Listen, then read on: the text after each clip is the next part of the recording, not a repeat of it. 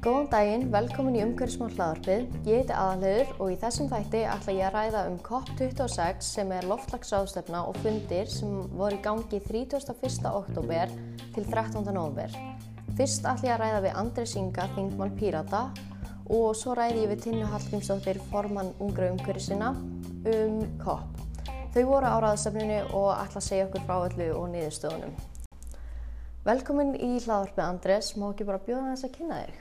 Jú, takk. Ég heiti Andrés Ingi Jónsson og er þingmaður Pírata. Ég er búin að vera inn á þingi í, hvað, fimm ár núna og hef einmitt verið aldrei mikið að leggja áherslu á umhverfismálinn og loslasmálinn sérstaklega og verið einn af stundum allt og fáum þingmannum sem að erum í því. Það er ennþá, þetta er ennþá aldrei svona jaðarsport inn á þingi. Já, einmitt, algjörlega sammála. Um, fyrst langar mér bara að spurja vegna þess að ég held að alls ekki allir viti hvað COP26 er eða bara almennt hvað COP er. Gæður aðeins útskýrt það? Já, sko þetta er á vegum saminu þjóðana uh, sem að náttúrulega samanstanda af öllum ríkjum heims sem eru næstum 200 og COP stendur fyrir Conference of Parties, þetta er svona uh, aðildaríkja ráðstefna þeirra ríkja sem að byggu til lofslagssamning saminu þjóðana. Uh, og 26 stendur fyrir að þetta sé 27. ráðstefnan í, í, frá, frá því að samningurum var gerður uppalega. Þannig að á hverju ári, fyrir utan í fyrra út af COVID, þá hittast þessi næstum 200 ríki og ræða svona hvernig þau geti gert lofslagssamningin betri, hvernig þessi ætti að, að hérna, já, bara ná markmiðunum betur. Og það hefur tekið þetta ógeðslega langan tíma. Þetta, eru, þetta er samningur frá því fyrir aldamót sem er búið að sko, endur semja nokkrum sinnum. Uh, og núna síðasta stóra uh, endur samning á samningnum var 2015 í París þar sem heyrum við gefnan talað um Parísasáttmálan og þá loksins ákvaðu ríkin að setja sér sko sameigilegt markmið um það hvert við þurfum að stefna að, sem að var að halda hlínun jarðar innan við einu halva gráðu. Já, um, af því við erum að tala um það, þá ætlum ég bara að spurja næst, finnst þér Ísland verið að gera nóg í að ná þessu markmiði og hvað er líka Ísland að gera vel? Sko Ísland er ekki að gera nóg, ekki frekar en nokkuð annar land. Það kom bara mjög skýrt í ljós þegar að uh, lofórðin sem að allir ríkinn komi með í Glasgow voru bara reiknuð út. Að þá erum við ekki að stefna á 1,5 gráður heldur veist, eitthvað á bílinu 2,4 jafnvel upp í 2,7 eftir því hvernig það er reiknað. Um, þannig að það vantar alveg rosalega mikið að gera betur og Ísland er ekkert að skara fram á þarna. Ísland er ekki með metnaðfildri markmið heldur en uh, önnulönd uh, við erum bara undir reglíf með Európa-sambandinu sem sett sér markmið um 55% samdrátt í losun fyrir 2030 uh, sem er bara alltaf lágt. Og eitt af því sem kom út úr Glasgow var að ríkin voru eiginlega svona spörkuð af því rassinu á sjálfum sér og sögðu að þetta hefði verið of léli markmið þess að koma aftur á næsta ári með betri metnafildri markmið til að við náum 1,5. Já, einmitt. En hverjar voru áherslur kopp á þessu ári? Sko núna, uh, þetta var fymta koppið frá París, uh, þannig að það var komið tíma á að sko, herda markmiðin hjá allum ríkinum. Það er eitt að sniðast að við Parísasamningina á fimm ára fresti þá eiga ríki að koma með metnaðarfyllri markmið. Þannig að þetta var svona aldrei uppgjörsfundur upp á það að gera. Bara höfum við verið að gera nóg, hvernig getum við gert betur, erum við að nálgast markmið um 1,5 gráður. Og niðurstaðan var, nei, við erum ekki komin nóg langt. Og síðan var verið að loka uh, svona glöfum í samningnum uh, þátti eftir að semja til dæmis um uh, svona kólefnismarkað sem er í rauninni að sko ef að einu ríki gengur vel að draga á losun að þá eignist hún svona, svona innig sem hún getur síðan selt löndum sem gengur verð að draga úr sinni losun. Uh, þetta getur verið aldrei, það, það skiptir máli hvernig þessi markaður er búin til svo þetta verði ekki til þess að sko lönd getur bara keift sig frá vandanum af því að við viljum sko, stóra markmið er að draga úr allri lósun ekki það að þú getur einhvern veginn bara borga þig fram hjá lósunni þinni. Og hitt uh, stóra samningaadriði sem þurfti að klára í Glasgow var því miður ekki klárað og snýst um uh, fjármögnun á stuðningskerfi við þau lönd sem að eru farin að finna fyrir áhrifum loslasbreytinga, fátakastu lönd í heiminum.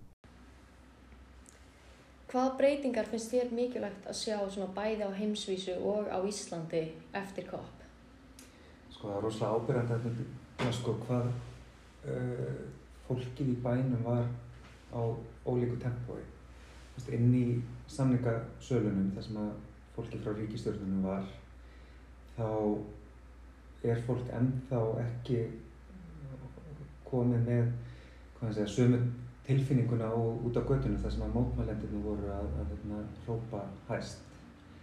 Það er eins og sko ríkistjórnum sé ennþá sáttar við að taka sko lítil skref í rétta átt ef við þurfum að fara að stökva.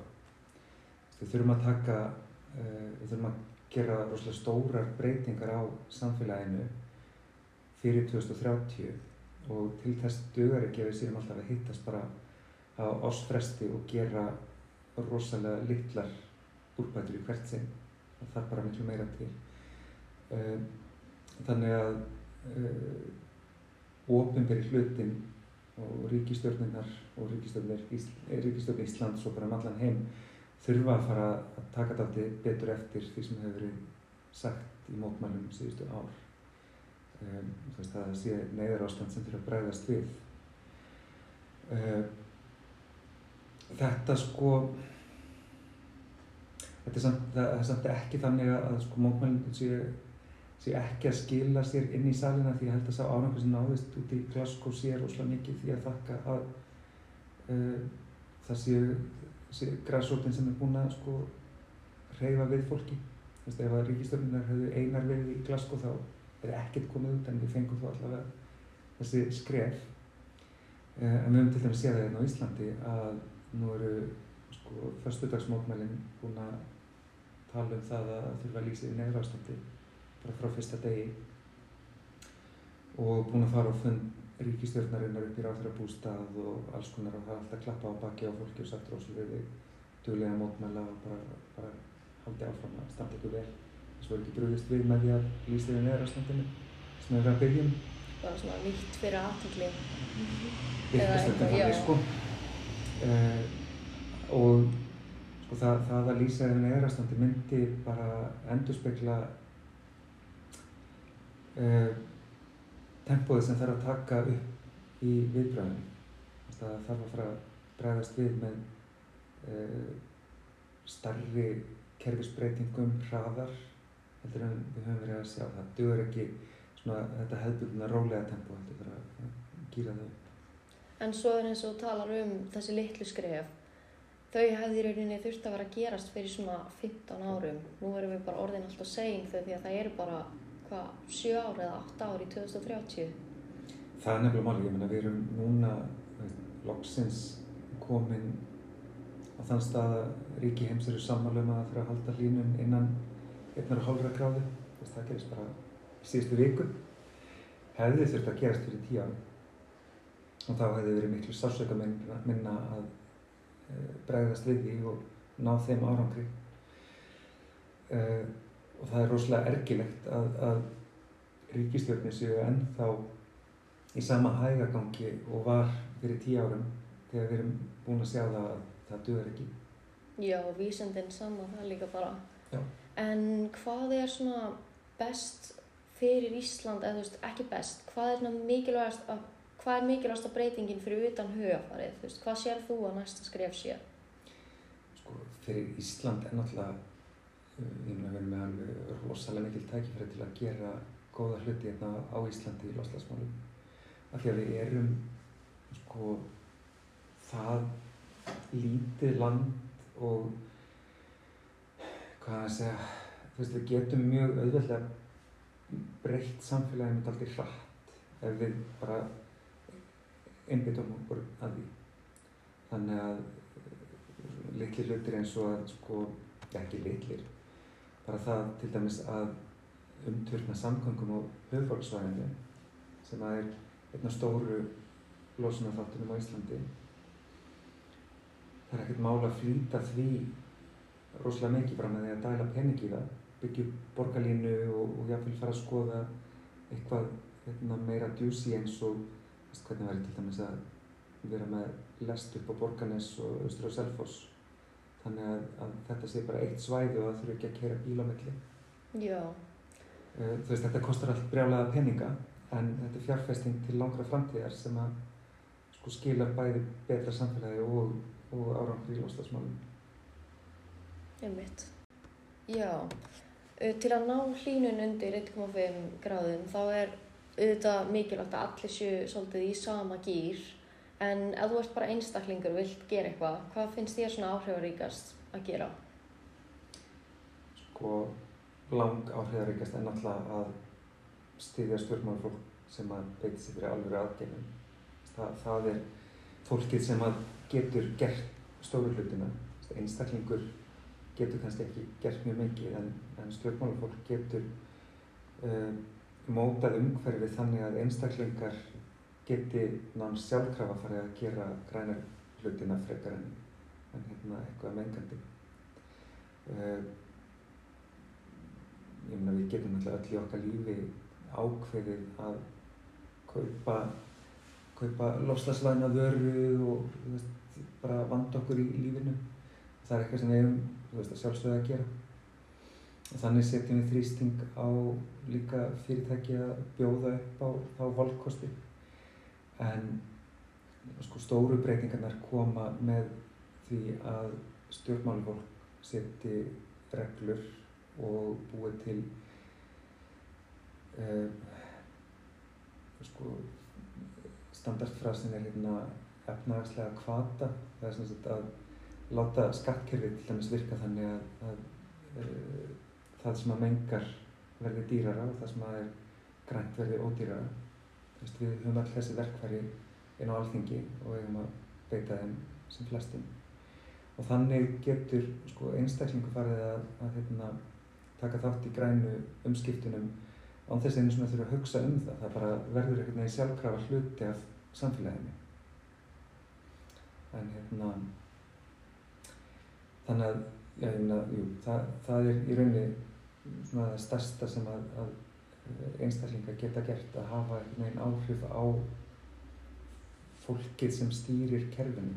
Hvort sem það er í stjórnmálum eða veist, í böngum og lífeyrissöðum sem að fólk getur sagt að fjárfesta peningana í einhverju umhverjusvæðinu frekar enn í einhverju mengandi uh, í sveitarstjórnum þar ertu til dæmis með sko það eru uh, þar er hérna allt úrgangskerfið bæði skolp og, og hérna brusl fyrir gegnum hendur sveitafélagana það er rosalega stór losnum þáttur. Uh,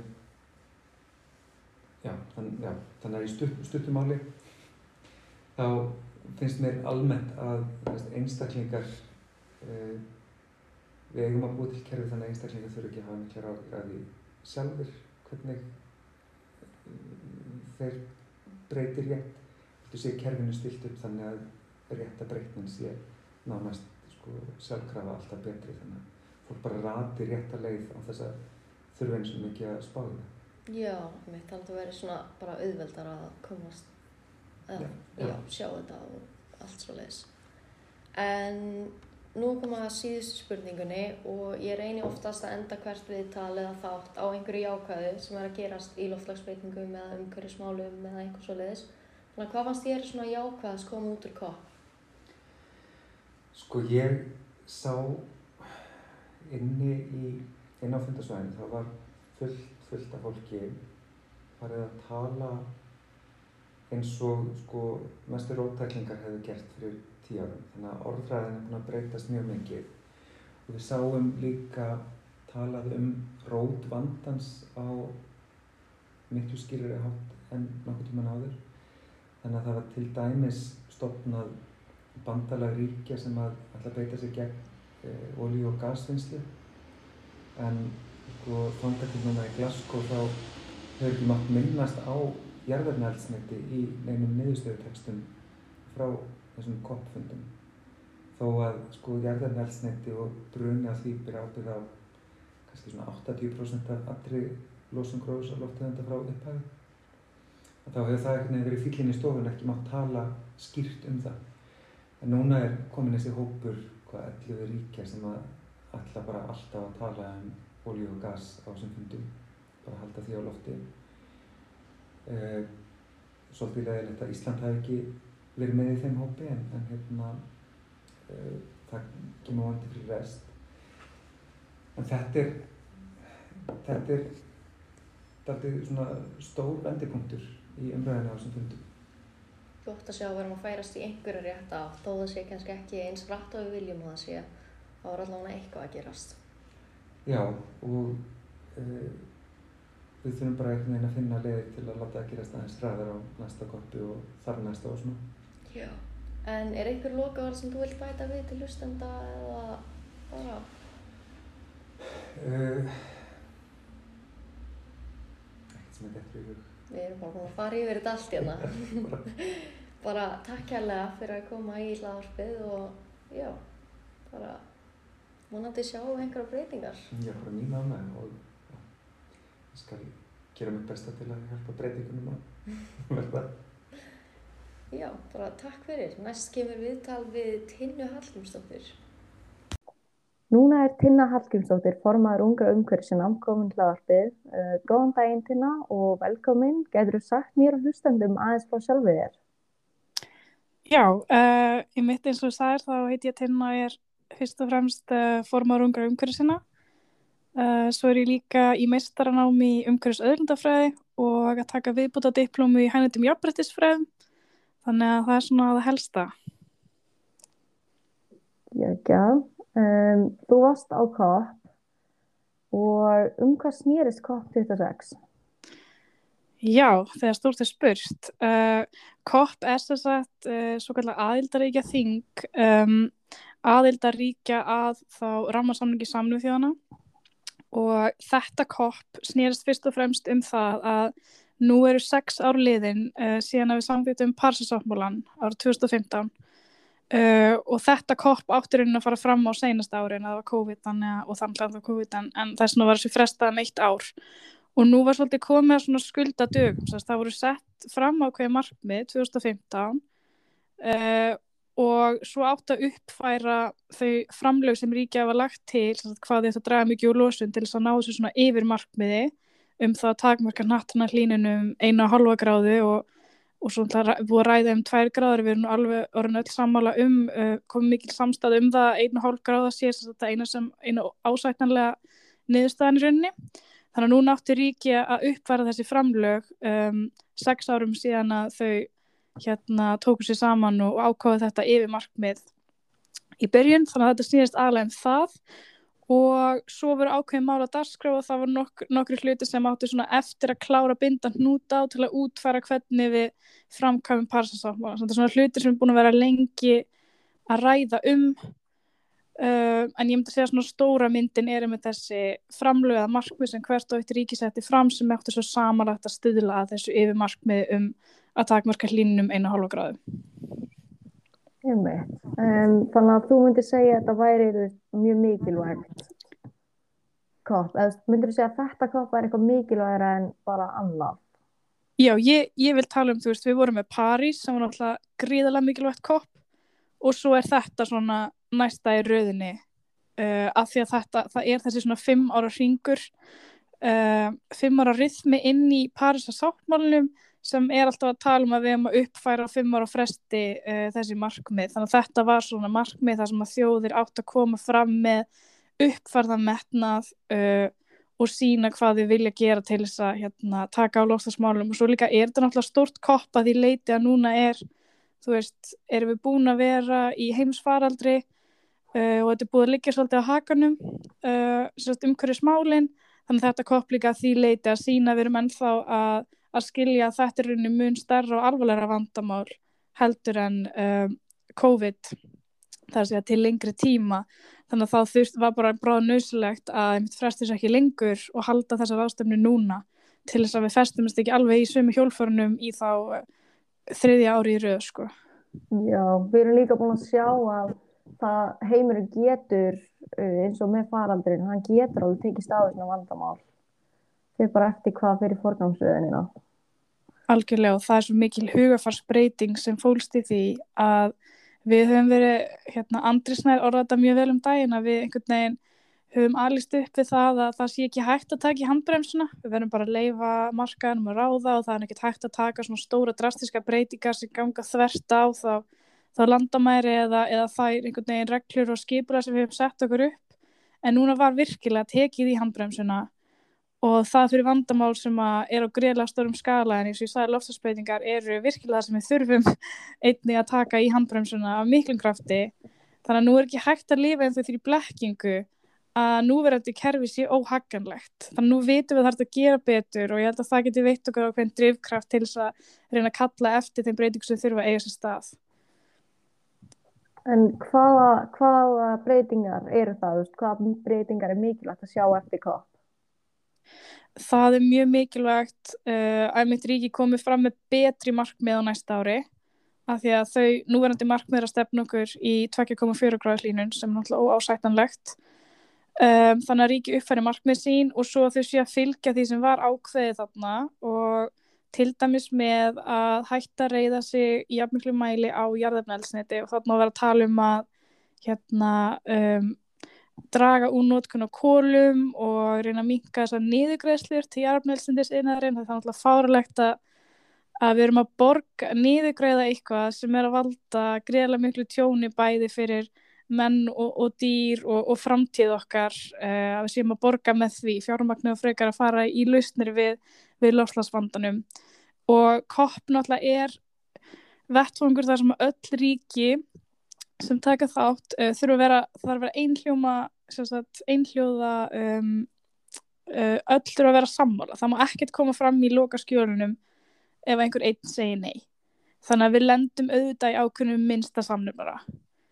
Þannig að það sem er að gerast eftir þetta er að ríkistjórnir takir svolítið stjórnina og gerir heima fyrir það sem að uh, gerir sitt ídrasta til þess að bæði framfylgja því sem kom þarna fram og líka til að ganga ennþá lengra. Því við sjáum bara að við höldum áfram á sama hraða þá erum við ekkert að fara að ná þeim markmiðum, yfir markmiðum til dæmis Parísasáttmúlans um, þannig að það þarf að taka miklu stærri skrif heimaferir Ég skilji um, og þess að tengt, tengt þessari spurningu og svarinu stúast með Hvað finnst þér vanta í veist, markmið Íslands um lofta, tengd loftagsbreytingum? Já, það sem við höfum verið að kalla eftir sérstaklega er að Ísland seti sér og lögfesti sjálfstætt metnaðfyllt mark, markmið um hvað ætlum að draga mikið úr lósun á þessum áratug. Við erum sérst með markmið núna um kólminsvillið 2040 Uh, og þá eftir að skilgrana það það er líka eitt af þessu verkefni sem það er að ráðast í hvernig við ætlum nákvæmlega að útfæra það. Það eru margar leiðir að því hvernig við verum kolumsveitlaus en svo er hitt þessi aðeins stittri uh, tíma hugsun og það er þá þessi áratögur hvað ætlum við að draga mikið úr lósunum fyrir 2030 uh, þannig ég er að byrja til því. Og svo þurfum við náttúrulega í samlega við það að uppfæra alla aðgerra átlunina í lostasmálum til þess að ná því markmiði. Og það eru marga breytingar sem við þurfum að ráðast í við þurfum að ná einhvern veginn að uh, koma í veg fyrir það að losun frá stóriðinni sé alltaf að aukast, það er rosalega stór partur af losunabókaldinu, svo erum við veitum með landnótkun, við þurfum að endurheimta allt uh, framræst votlendi sem er ekki í nótkun, bara sem fyrst. Svo þurfum við að gera úrbætur á uh, styrkjakerfi landbúnaðarins til að reyna að stöðla að þá landgræðslu og jákværi byggðarþróun en ekki alltaf vera með framleinslu tengda styrki sem að stöðla að þá oframleinslu á dýraafverðum til dæmis um, og svo þurfum við að hækka kólmiskjaldi og ég get alveg haldið áfram hérna í allan dag. Það er, það er margt sem það er að gera og, og líka sem við langar að minnast að það er sjávarútvörun af því að þeim er svolítið sjálfsvald sett í núvært aðgerðallin hvað, hvað þau gerir til að draga lósun en þannig þarf aðeins að stíga fastanir fæti og, og setja einhvers konar reglur líka bara til að þau séu þá samkeppnishæf í þessu lágkólumna hagkerfi sem tekur við þeim innað eins og öllum örum innum þannig að þá þurfa þau að geta gripið um, gripið í taumana sem fyrst til þess að vera þá tilbúin þegar þessar breytingar muni að stað. Alveg samanlega, þú svaraði mjög vel. Takk. Um, En út af við tökum að tala um hvað vantaði í markni Íslands uh, hvað finnst þér Ísland að gera vel?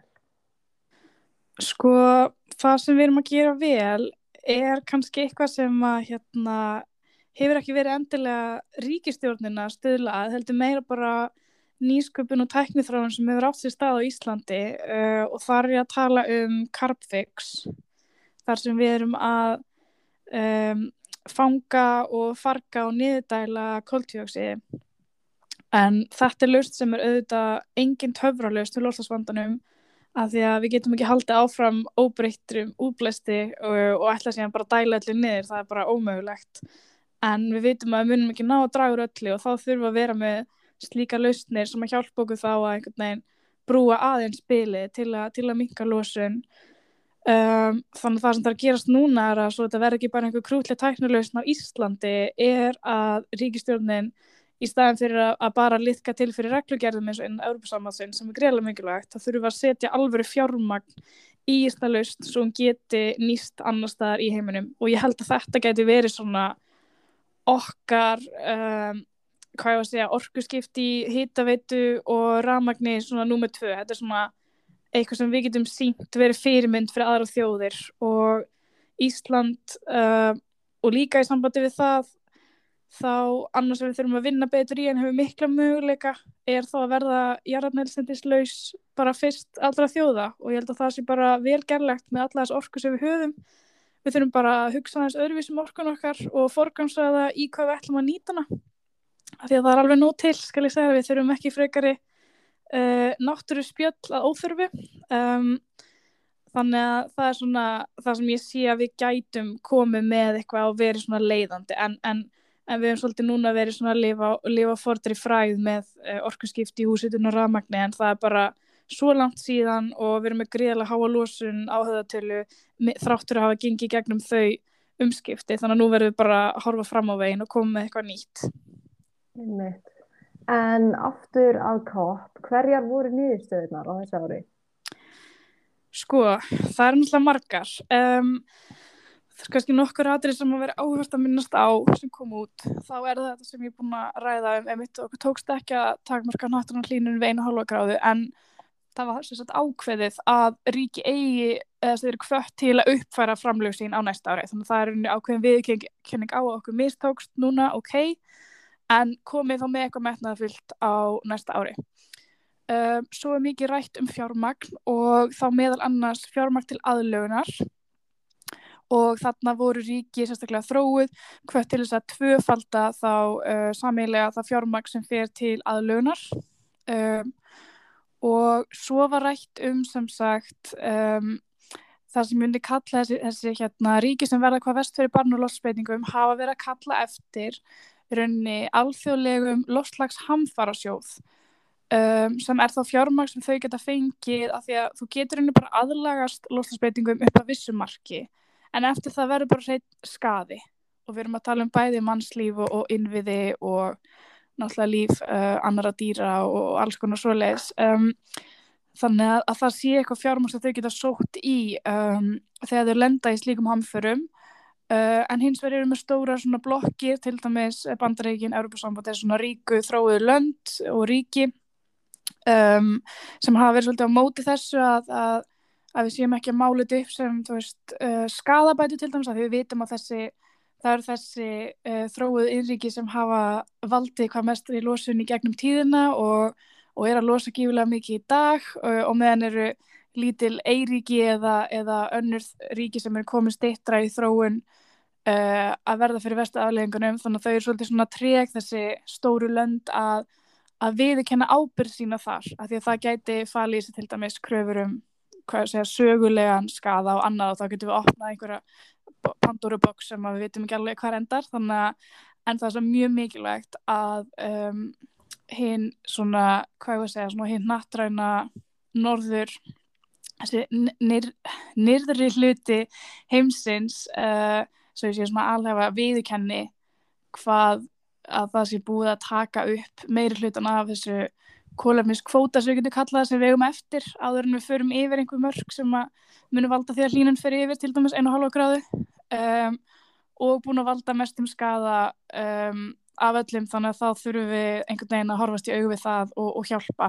Og þarna var ákveðlum eins og ég sagði umsensat um, alþjóðlegan um, loftasamfara sjóð uh, og því var ekki svarað en það sem kom út var uh, samráðsvettfangur um stopnun uh, slíks sjóðs.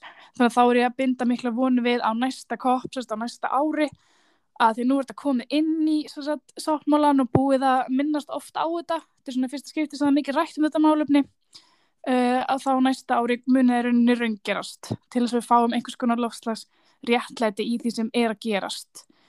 Um, og svo var annað með fjármaks að vera ræða líka þá sett áttu sett, ríklönd, engagerinn og, og fjármálstofnunir að uh, leggja saman í púk fyrir uh, 100 miljardar uh, dollara árlega frá 2020 sem er þá til um, samdráttar og aðlögunar fyrir þá um, fátækari og minnaþróu ríki. Það tókst ekki árið 2020 þannig að það lofur var svikið en það verðist svo sem að það muni nást árið 2023 eða 2022 um, þannig að þá sjáum við en svo það, eftir ákveðum sko, eftir það hvaða fjármagn teku við þegar það lofvörð hefur loks verið uppfyllt.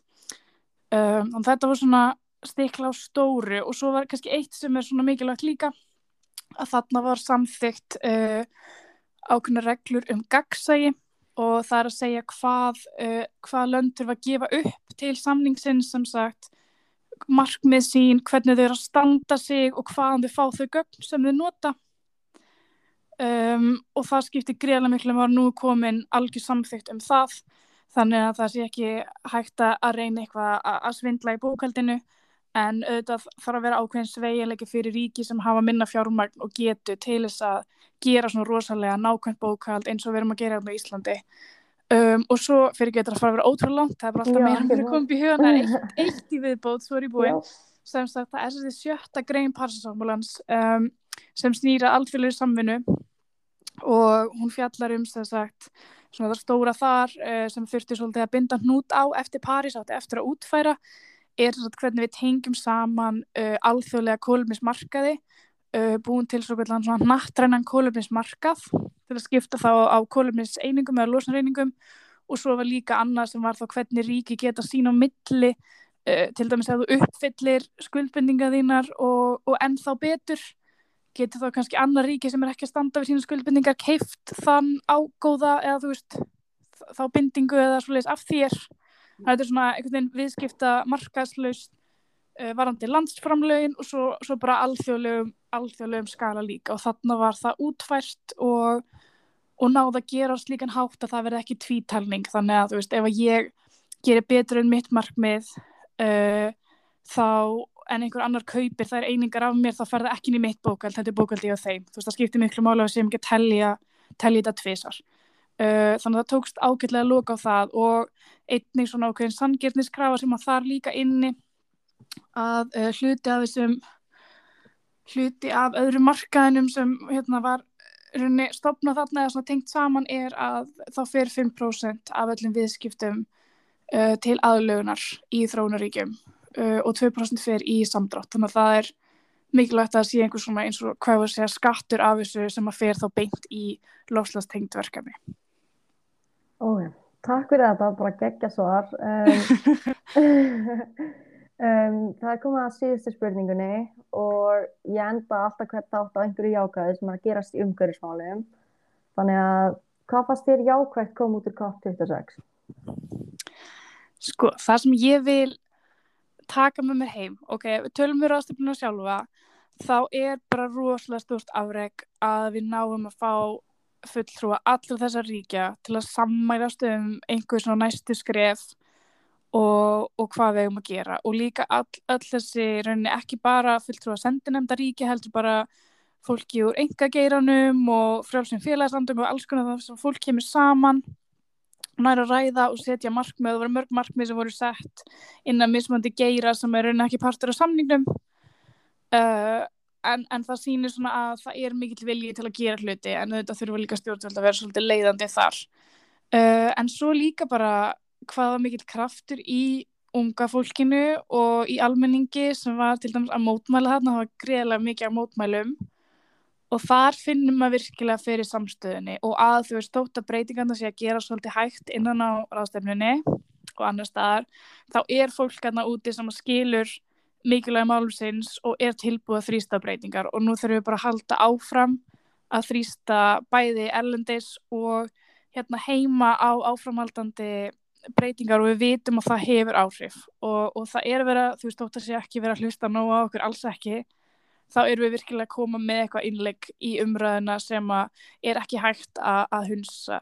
Þannig að það er svona að nýta sér svolítið þá orku og, og, og það er svona færið með von sko ekki, já, þannig að það er allavega eitthvað jákvægt sem er að koma út úr þessu og það er mjög gott. Algjörlega. Um, bara takk hella Tina fyrir að gefa tíma til að koma í hlaðvarpið. Uh, ég vil minna á líka rétt í enda ungir umhverju sem er um Instagram, Facebook, Twitter og websíðu, þannig að endilega kíkja á það. Svo er hlaðvarpi líka með Instagram, umhverju smá hlaðvarpi líka með Instagram og Facebook síðu sem hættir að kíkja á og bara takk fyrir að hlusta. Vonandi lærðu eitthvað um COP26. Bara sjáum til næsta þetta